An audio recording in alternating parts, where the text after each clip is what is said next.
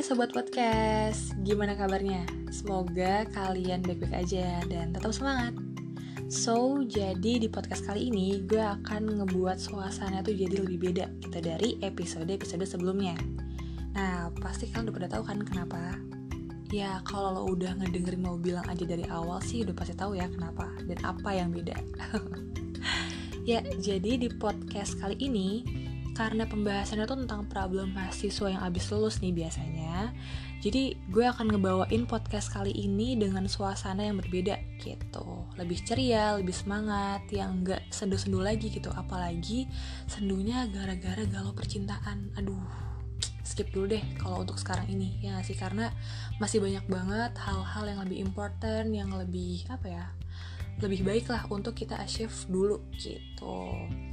Oke okay, Sebelum bahas lebih dalam lagi tentang quarter life crisis, di sini gue mau ngejelasin dulu nih tentang apa sih quarter life crisis itu, gitu.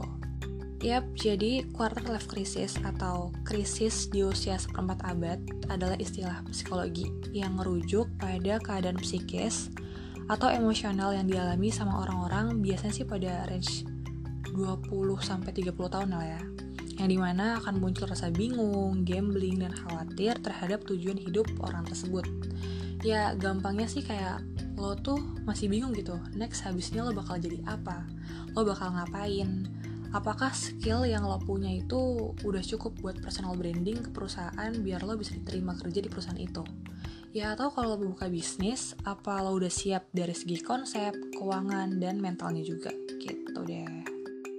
Nah, gue gak tau kenapa di beberapa bulan belakangan ini ya pas banget gue lagi ngerjain skripsi tuh gue kalau misalkan lagi dia lagi bengong gitu suka tiba-tiba sekelibet mikir next abis ini abis gue lulus gue mau ngapain ya?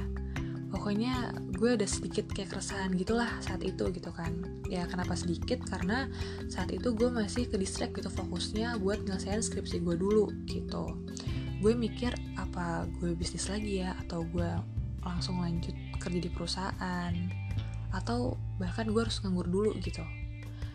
Ya jujur ya yang paling gue takutin itu kalau misalkan gue harus nganggur lama-lama gitu.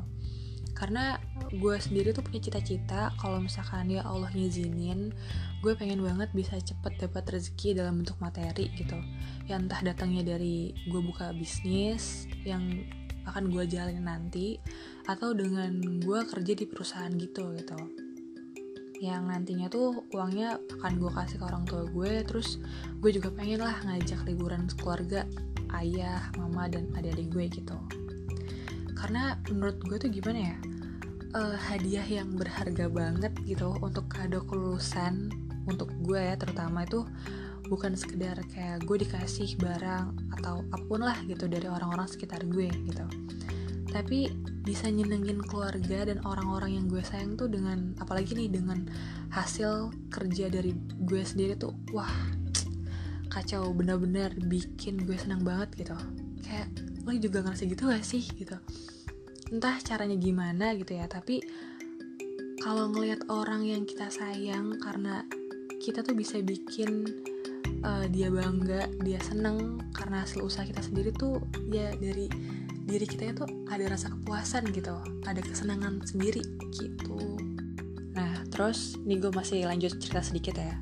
Nah abis lulus ujian skripsi kemarin tuh nggak tahu kenapa malah rasa takutnya tuh makin kerasa banget gitu. Gue mulai khawatir apa gue bisa ya diterima kerja di perusahaan gitu. Dan kalau gue buka bisnis tuh apa masih dapat marketnya? Terus ya gue sharing lah sama temen gue gitu. Dan temen gue ini bilang kalau dia juga pernah ngerasain keresahan yang gue rasain ini. Quarter life crisis. And then satu kalimat dari dia yang masih gue inget sampai sekarang yang menurut gue ini cukup memotivasi gue ya buat terus ngelakuin hal-hal positif dan insya Allah bisa bermanfaat gitu buat orang-orang sekitar. Jadi dia tuh bilang kayak gini udahlah kal. Pokoknya lo lakuin aja apa yang bisa lo lakuin. Lanjutin aja hal-hal yang udah lo mulai gitu daripada lo gabut juga kan. Nah mungkin kalimat yang temen gue ucapin itu kedengarannya kayak sederhana banget gitu. Tapi gue gue pribadi menafsirkan kalimat itu tuh kayak gue pokoknya biarpun belum dapat panggilan kerjaan ya gue harus tetap ada yang bisa gue lakuin ada yang bisa gue kerjain gitu tetap harus ada output yang bisa gue hasilin entah apa pun itu. Tapi yang jelas outputnya tuh harus positif ya. Nah dulu kalian waktu kecil pernah gak sih ditanya sama orang tua kalian misalnya nanti kalau misalkan udah besar cita-citanya mau jadi apa sih? Gitu. Nah mungkin di antara kalian ada yang jawab nanti aku mau jadi dokter nanti aku mau jadi insinyur nanti aku mau jadi pilot dan nanti aku mau jadi bla bla bla bla jujur dulu waktu gue kecil tiap gue ditanyain hal itu gue selalu jawab gue mau jadi dokter. Tapi entah kenapa sering berjalannya waktu semakin bertambahnya umur dan semakin banyak uh, hal-hal yang gue alamin selama 22 tahun gue hidup gue ngerasa kalau misalkan kedokteran tuh bukan passion gue gitu. Kenapa bisa gue bilang begitu? Karena untuk masuk ke dokteran tuh menurut gue hafalan tuh harus kuat gitu. Dan sementara gue adalah tipe kalau orang yang hafalannya tuh nggak begitu kuat. Ya juga nggak tahu kenapa tiap gue masuk ke rumah sakit apalagi tiap gue ngeliat alat-alat medis kayak misalkan even gue ngeliat termometer dan stetoskop doang gue tuh ngerasa kayak deg-degan ngerasa serem sendiri gitu. Kayak udah fix kedokteran tuh bukan passion gue deh gitu dan semakin dewasa ini menurut gue cita-cita tuh bukan sekedar ah biar status sosial gue tinggi di masyarakat atau ya biar bisa dapat uang yang banyak gitu. Tapi kalau menurut gue cita-cita itu tuh soal passion. Nah ketika lo punya passion di suatu bidang lo pasti suka kan sama hal itu? Ya dan otomatis juga lo akan suka sama proses-prosesnya. Kalau lo senang ngejalanin kegiatan ya lo pasti akan ikhlas gitu ngejalanin hal itu tanpa paksaan. Dan insya Allah hasilnya juga bakal berkah. Yang lagi-lagi gue akan bilang kalau rezeki itu udah ngatur. Rezeki itu udah diatur sama Tuhan. Ya so kalau dari perspektif gue pribadi ketika lo mengalami quarter life crisis ya rasa tuh boleh gitu tapi jangan terlalu berlarut-larut. Karena kalau lo mengalami quarter life crisis terus-terusan lo ngerasa resah, lo ngerasa bingung, ya kayak lo ngerenung kayak bingung terus, tapi lo juga nggak ngelakuin tindakan gitu. Ya menurut gue itu sama aja nihil sih, sama aja nggak bakal ada hasilnya, nggak akan ada perubahan dalam hidup lo gitu. Pokoknya gue tuh kayak selalu apa ya menanamkan mindset di diri gue sendiri, kalaupun even gue belum dapet panggilan kerjaan atau mungkin ya gue belum kerja lah istilahnya. Gue bertekad untuk gue akan terus produktif gitu. Untuk ngelakuin hal positif yang bisa gue lakuin. Ya kalau bisa itu tuh apa ya ngehasilin manfaat gitu. Ngasih manfaat ke orang-orang sekitar juga. Misalnya nih kayak dengan gue ngebantuin orang tua gue gitu ngebantuin teman yang sekiranya dia tuh butuh bantuan dan gue juga ngerasa gue bisa nih bantuin dia gitu. Terus bikin karya, ngejalin hobi atau ya apa pun itulah gitu.